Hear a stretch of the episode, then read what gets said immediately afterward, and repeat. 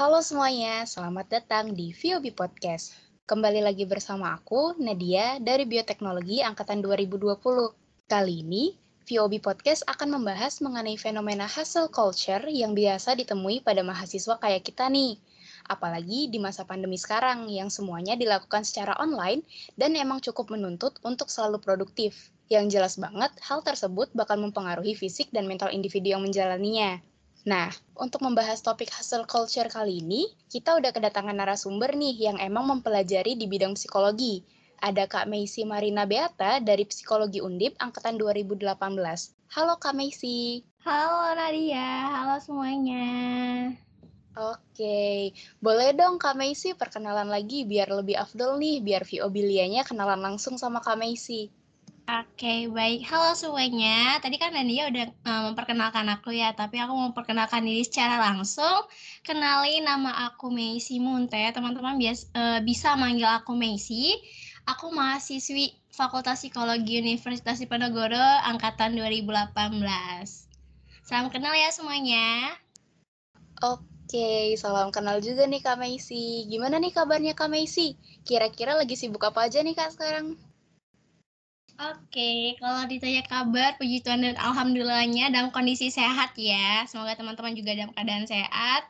Uh, kalau ditanya kesibukan ya, karena aku udah mahasiswa semester akhir ya, sibuk menyelesaikan ya tugas akhir skripsi.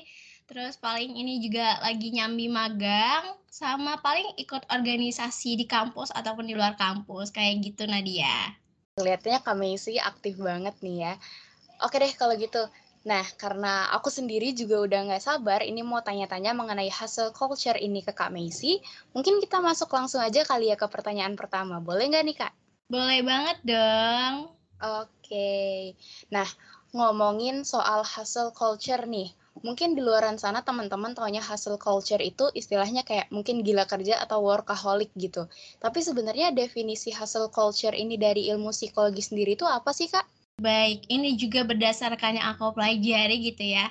Sebenarnya uh, hustle culture ini sama sebenarnya sama workaholic ya. Jadi nggak ada istilah yang sebenarnya mendominasi atau yang dari sisi psikologi sebenarnya artinya apa ya? Benar yang seperti udah teman-teman pahami mungkin uh, hustle culture ini yaitu pola perilaku dalam bekerja yang di mana kita ditandai dengan penggunaan waktu yang secara berlebih nih dalam bekerja.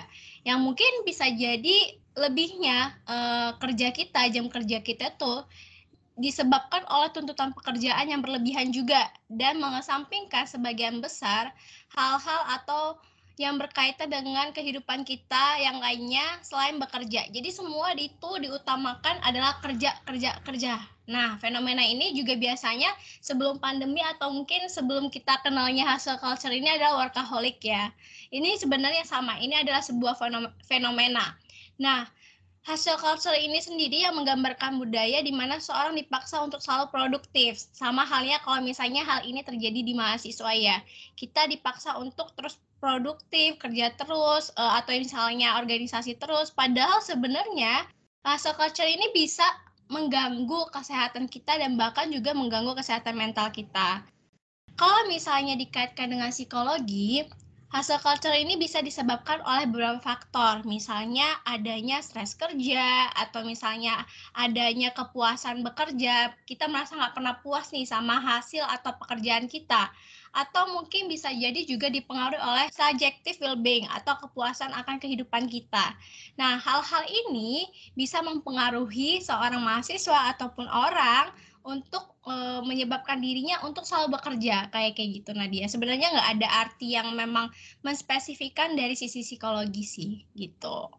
Oke, terima kasih Kak Misi. Nah, ngomongin produktivitas nih, kan banyak ya Kak yang sekarang itu sering menggaungkan bahwa anak muda tuh harus produktif, harus aktif, harus terus belajar gitu.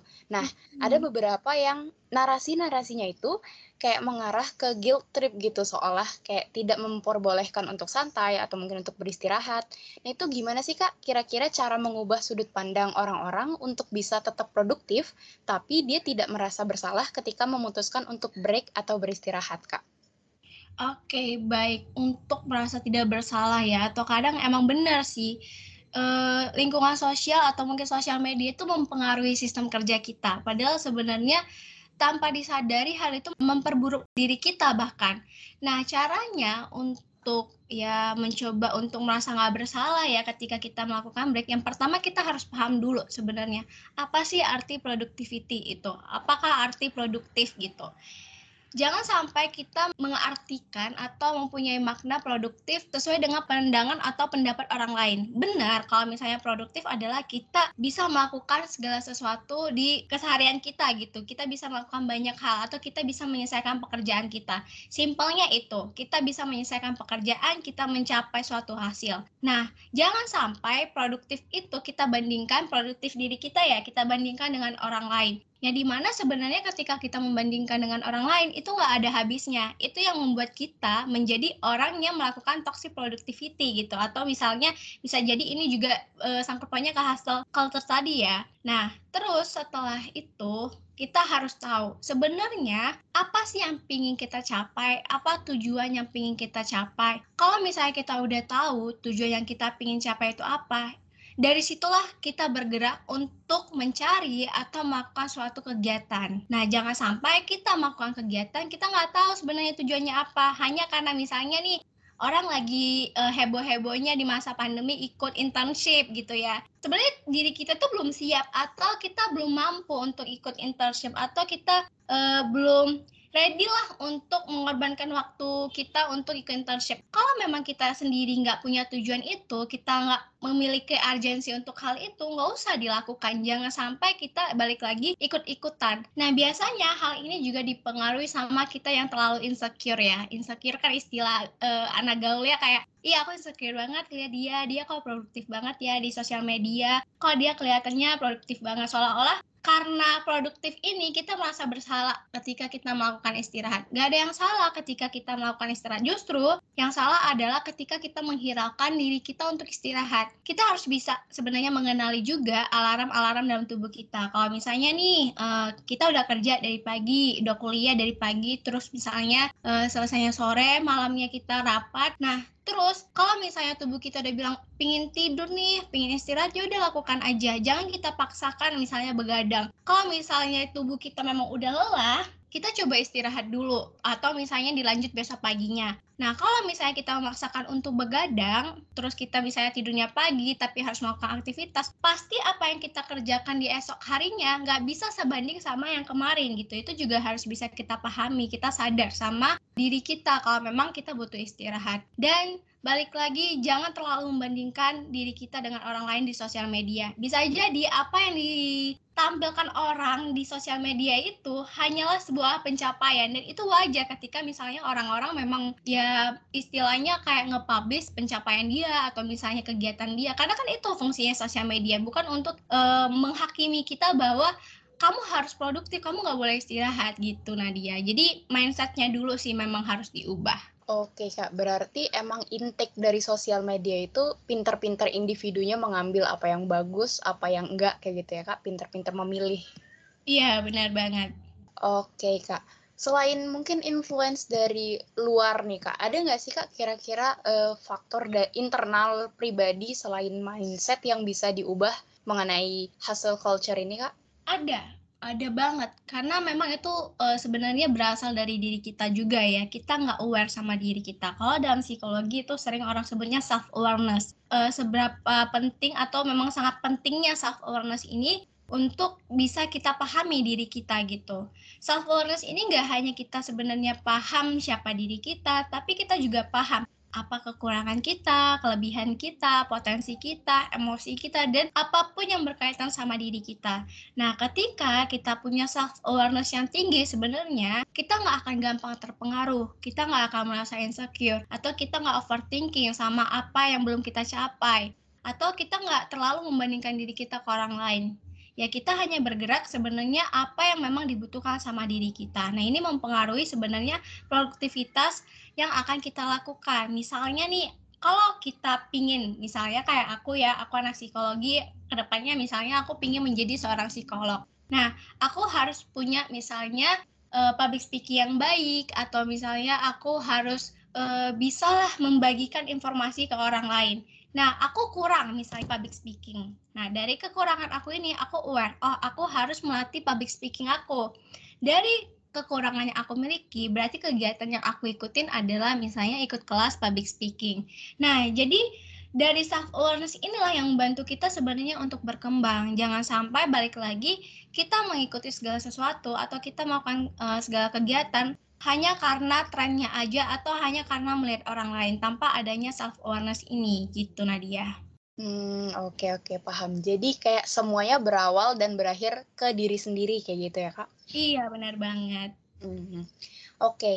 Nah, kerja nonstop ini kan pasti mempengaruhi juga fisik dan mental ya kak. Kayak yang udah kak bilang tadi dari sinyal-sinyal yang dikirim sama tubuh. Nah selain mungkin keadaan stres atau burnout gitu kira-kira apa aja sih kak pengaruh hasil culture ini ke kesehatan mental individu yang melakukannya? Oke, pengaruh itu mungkin ada banyak ya, kayak misalnya bisa jadi gangguan fisik, gangguan psikologis, kayak gitu ya, dan itu mungkin bermacam-macam. Kalau misalnya hal yang terdekat deh kehidupan kita mahasiswa, hal yang pertama akan mempengaruhi adalah stres, tingkat stres kita.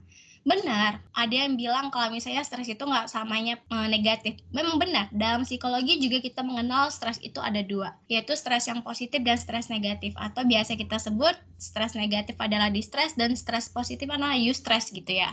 Nah, tapi sering sekali kalau misalnya kita orang yang lupa akan jam kerja atau misalnya uh, hustle culture ini otomatis tingkat stres kita tuh akan meningkat. Tingkat stres kita ini akan meningkat. Ini akan mempengaruhi banyak hal.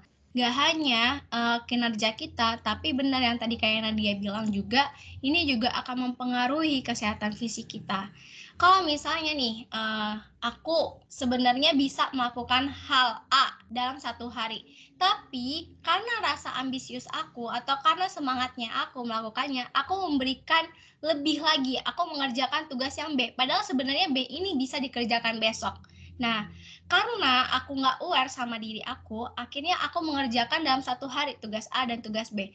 Keesokan harinya aku juga melakukan hal tersebut, tapi lama-kelamaan energi aku akan hilang gitu, energi aku akan habis. Akhirnya produktivitas aku akan menurun, kinerja aku akan menurun. Aku mungkin akan mudah lelah, uh, uring-uringan, pusing, uh, merasa sakit atau misalnya secara psikologis itu kayak gangguan perilaku aku jadi sensitif orangnya emosional gak bisa lagi mengatur tingkah laku aku ke orang lain dan menyalahkan orang lain. Nah itu sebenarnya dipengaruhi juga sama uh, soul culture ini atau misalnya kita sebutnya horkalik ini gitu Nadia Oke, terima kasih Kak Macy. Nah, mungkin aku lanjut ke pertanyaan selanjutnya nih. Di masa pandemi kayak gini Kak, dengan workload yang gede banget nih yang menuntut kita untuk selalu melakukan sesuatu. Ada nggak sih Kak cara untuk tetap bekerja atau belajar terus-menerus, tapi tidak sampai terjebak di hasil culture ini? Oke, untuk sampai kita nggak terjebak ya di budaya ini atau fenomena ini. Yang pertama balik lagi aku bilang pahami dulu diri kita. Pahami dulu diri kita, kita sebenarnya orang yang gimana, kita mampunya melakukan apa aja ya gitu. Ada memang saatnya kita harus meningkatkan self capacity, tapi jangan sampai kita overload gitu.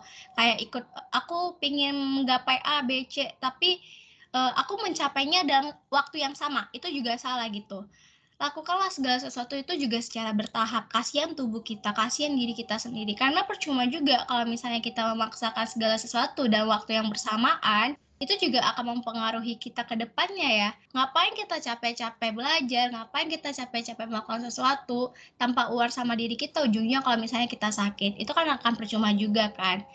Terus yang kedua, pahami lagi kembali apa sih arti productivity menurut kalian sendiri gitu. Jangan sampai kalian membandingkan produktivitas kalian sama orang lain sehingga kita memaknainya salah gitu.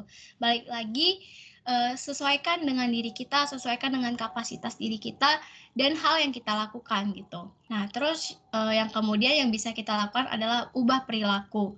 Dalam artian ubah perilaku gini, ada saatnya memang kita mungkin kayak oh aku butuh istirahat. Bedakan kita butuh istirahat sama yang emang kita males ya.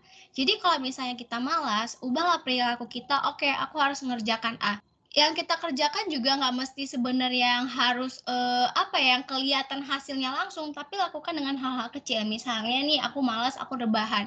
Ya udah kalau misalnya emang pada saat itu aku susah nih untuk bergerak dari tempat tidur, yaudah setidaknya aku bisa apa ya mempelajari hal kecil. Misalnya contohnya aku rebahan sambil dengarkan podcast atau misalnya aku sambil baca buku. Nah, itu kan sebenarnya kita udah produktif ya, tanpa merasa bersalah untuk mengurangi rasa bersalah kita waktu istirahat gitu.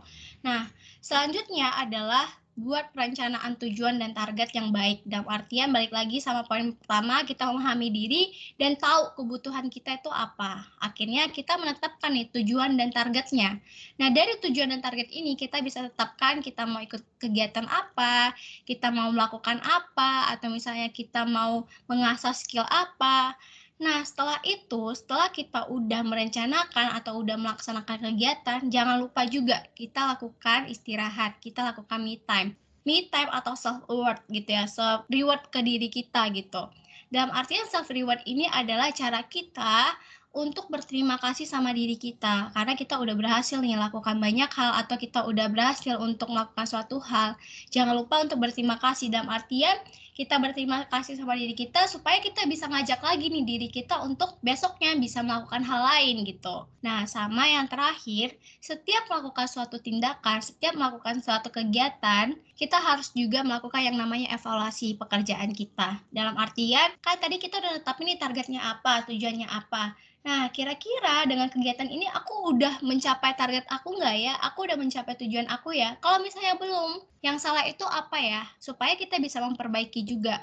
Bukan menambah pekerjaan, tapi memperbaiki misalnya pola kerja kita, atau misalnya memperbaiki sistem kerja kita. Nah, dari situ kita akan tahu, oh berarti dengan kegiatan ini aku mampu mengasah skill ini, mendapatkan hal ini gitu. Nah, kalau memang merasa kurang, baru kita menambah kegiatan lain. Jangan karena kita butuh A, B, C, kita akhirnya ikuti kegiatan ABC juga kayak gitu, tapi secara perlahan. Nah, inilah dilakukan untuk evaluasi ini gitu Nadia. Oke, makasih banyak nih Kak Meisi. Nah, dari Kak Meisi sendiri nih, sebagai mahasiswi tingkat akhir yang emang aktif organisasi, magang, dan akademik, ada nggak sih kira-kira tips dan trik dari kakak pribadi nih untuk tetap bekerja sehat dan produktif, tapi tidak sampai terjebak di hustle culture ini dari pengalaman pribadi kakak? Oke, supaya nggak kejebak di hustle culture ini ya, kalau tips dari aku sebenarnya gini simpelnya. Kalau aku biasanya orangnya yang teratur ya dalam artian aku akan buat plan aku dalam satu minggu atau bahkan dalam satu bulan ini aku harus ngapain gitu. Bukan berarti plan aku ini nggak bisa diganggu gugat. Ini biar tahu aja e, waktu jam sekian aku harus apa ya, jam sekian aku harus apa. Nah sampai e, secara rincinya aku juga mengagendakan waktu aku untuk istirahat. Supaya imbang kita menyusun plan itu nggak hanya pekerjaan kita nggak hanya akademik kita nggak hanya organisasi atau hal-hal lainnya tapi kita mengagendakan juga untuk diri kita sendiri itu nah dari situ memang di awal susah ya untuk bisa komitmen sama jadwal kita tapi itu akan terlatih sendirinya dengan hal tersebut itu akan membantu menyeimbangkan antara kerja kita sama uh, menyehatkan atau istilahnya menyegarkan kembali diri kita. Karena kalau misalnya kita kerja kerja kerja terus kan pasti ada bosan, ada jenuh, ada demotivasi. Nah, yaitu kita coba ngeplan juga nih untuk reward diri kita kapan ya, untuk me time-nya kapan atau untuk self care-nya kapan gitu. Terus yang kedua, balik lagi aku bilang tetapkan tujuan, evaluasi diri dulu gitu. Dalam artian aku mengikuti kegiatan ini yang mau aku capai apa ya. Jangan sampai apa yang aku ikutin itu nggak nambah apa pun dalam diri aku, hanya untuk menyibukkan diri aja. Jangan sampai kayak gitu, karena itu akan percuma yang capek diri kita sendiri. Sama yang ketiga adalah ketika aku melakukan sesuatu, lucunya adalah aku healingnya membagikan ke orang lain. Dalam artian aku mendapatkan, aku membelajar, tapi untuk mengingat hal-hal tersebut, aku akan misalnya membagikan melalui konten atau misalnya aku catat di journaling atau hal-hal lainnya itu juga akan membantu meredahkan stres yang kita alami di hari itu. Sama yang terakhir adalah aku biasanya sering self talk sama diri sendiri. Baik itu misalnya aku sambil bawa motor atau bawa kendaraan sambil ngomong sama diri aku atau misalnya kayak bangun pagi, itu memulai hari aku biasanya kayak self talk sama diri aku kayak ya udah kayak bilang sama diri aku kalau misalnya hari ini kamu bisa ya Messi untuk melakukan apa pun yang akan kamu hadapin apa pun masalahnya pasti bisa. Nah kalau misalnya malam hari biasanya aku kayak berterima kasih aja sama diri aku. Kalau misalnya kamu hebat ya bisa menyelesaikan A, B, C kayak gitu sebutkan aja. Dan itu kayak serasa kita mensugesti diri kita. Jadi kalau misalnya orang lihat kok kamu sibuk? Kok bisa ngerjain apa pun dengan rapi? Atau misalnya kok bisa ngerjain segala sesuatu dengan baik padahal uh, kamu punya kesibukannya banyak ya karena itu kita juga mensugesti diri kita bahwa kita percaya kita mampu gitu itu sih kalau cara-cara yang mungkin tips yang bisa aku bagikan Nadia Oke kak, berarti emang menyayangi diri sendiri itu tuh salah satu cara buat apa ya mengapresiasi dan distress juga kali ya kak? Mm-mm, benar banget dan itu perlu banget. Kayak mungkin ada beberapa orang yang menganggap kalau kita ngomong sama diri sendiri atau terlalu menyayangi diri sendiri itu adalah hal yang negatif ya terlalu selfish mungkin kali ya. Padahal beda ya. Kita bisa bedakan mana yang uh, selfish, mana yang self love kayak gitu selama memang masih takarannya wajar sih itu self love ya kak kalau misalnya udah overwhelming dan berlebihan mungkin itu selfish kayak gitu kali ya kak iya benar banget dan yang harus kita bedakan adalah ketika kita mampu untuk self love, kita mampu mencintai diri sendiri, justru kita akan mudah untuk semakin apa ya kayak jalin komunikasi atau hubungan ke orang lain karena kita sadar bahwa kita adalah individu yang berbeda. Jadi dengan sistem komunikasi atau misalnya hubungan kita, kita lebih menghargai satu sama lain gitu, Nadia. Terima kasih nih Kak Meisi. Nah, itu tadi teman-teman kurang lebih pembahasan mengenai hustle culture dan disinggung-singgung sedikit nih tentang self love dari Kak Macy sebagai trik untuk distress dan untuk menghindar dari jebakan hustle culture ini. Nah, banyak banget teman-teman yang bisa kita ambil sebagai insight baru dari pembahasan tadi mengenai apa itu hustle culture, kemudian kenapa dia bisa muncul, dan gimana cara untuk menghindarinya. Dari aku, Terima kasih banyak untuk Kak Meisi yang udah berkenan untuk membagi ilmunya untuk kita semua dan udah menyempatkan waktunya untuk datang sebagai narasumber kita pada hari ini. Terima kasih kembali teman-teman semuanya. Iya, aku juga berterima kasih kepada teman-teman Viobilia yang sudah mendengarkan episode kali ini. Aku harap teman-teman bisa dapat insight baru dan jadi lebih aware mengenai pola bekerja atau belajar kalian. Jangan sampai hal tersebut memengaruhi kesehatan mental maupun fisik ya teman-teman. Oke, uh, mungkin berhubung ini podcast episode terakhir di season ini, izinkan aku sekalian nih pamit sebagai podcaster berterima kasih dan meminta maaf kalau selama ini ada kesalahan kata atau penyampaian yang pernah aku ucapkan.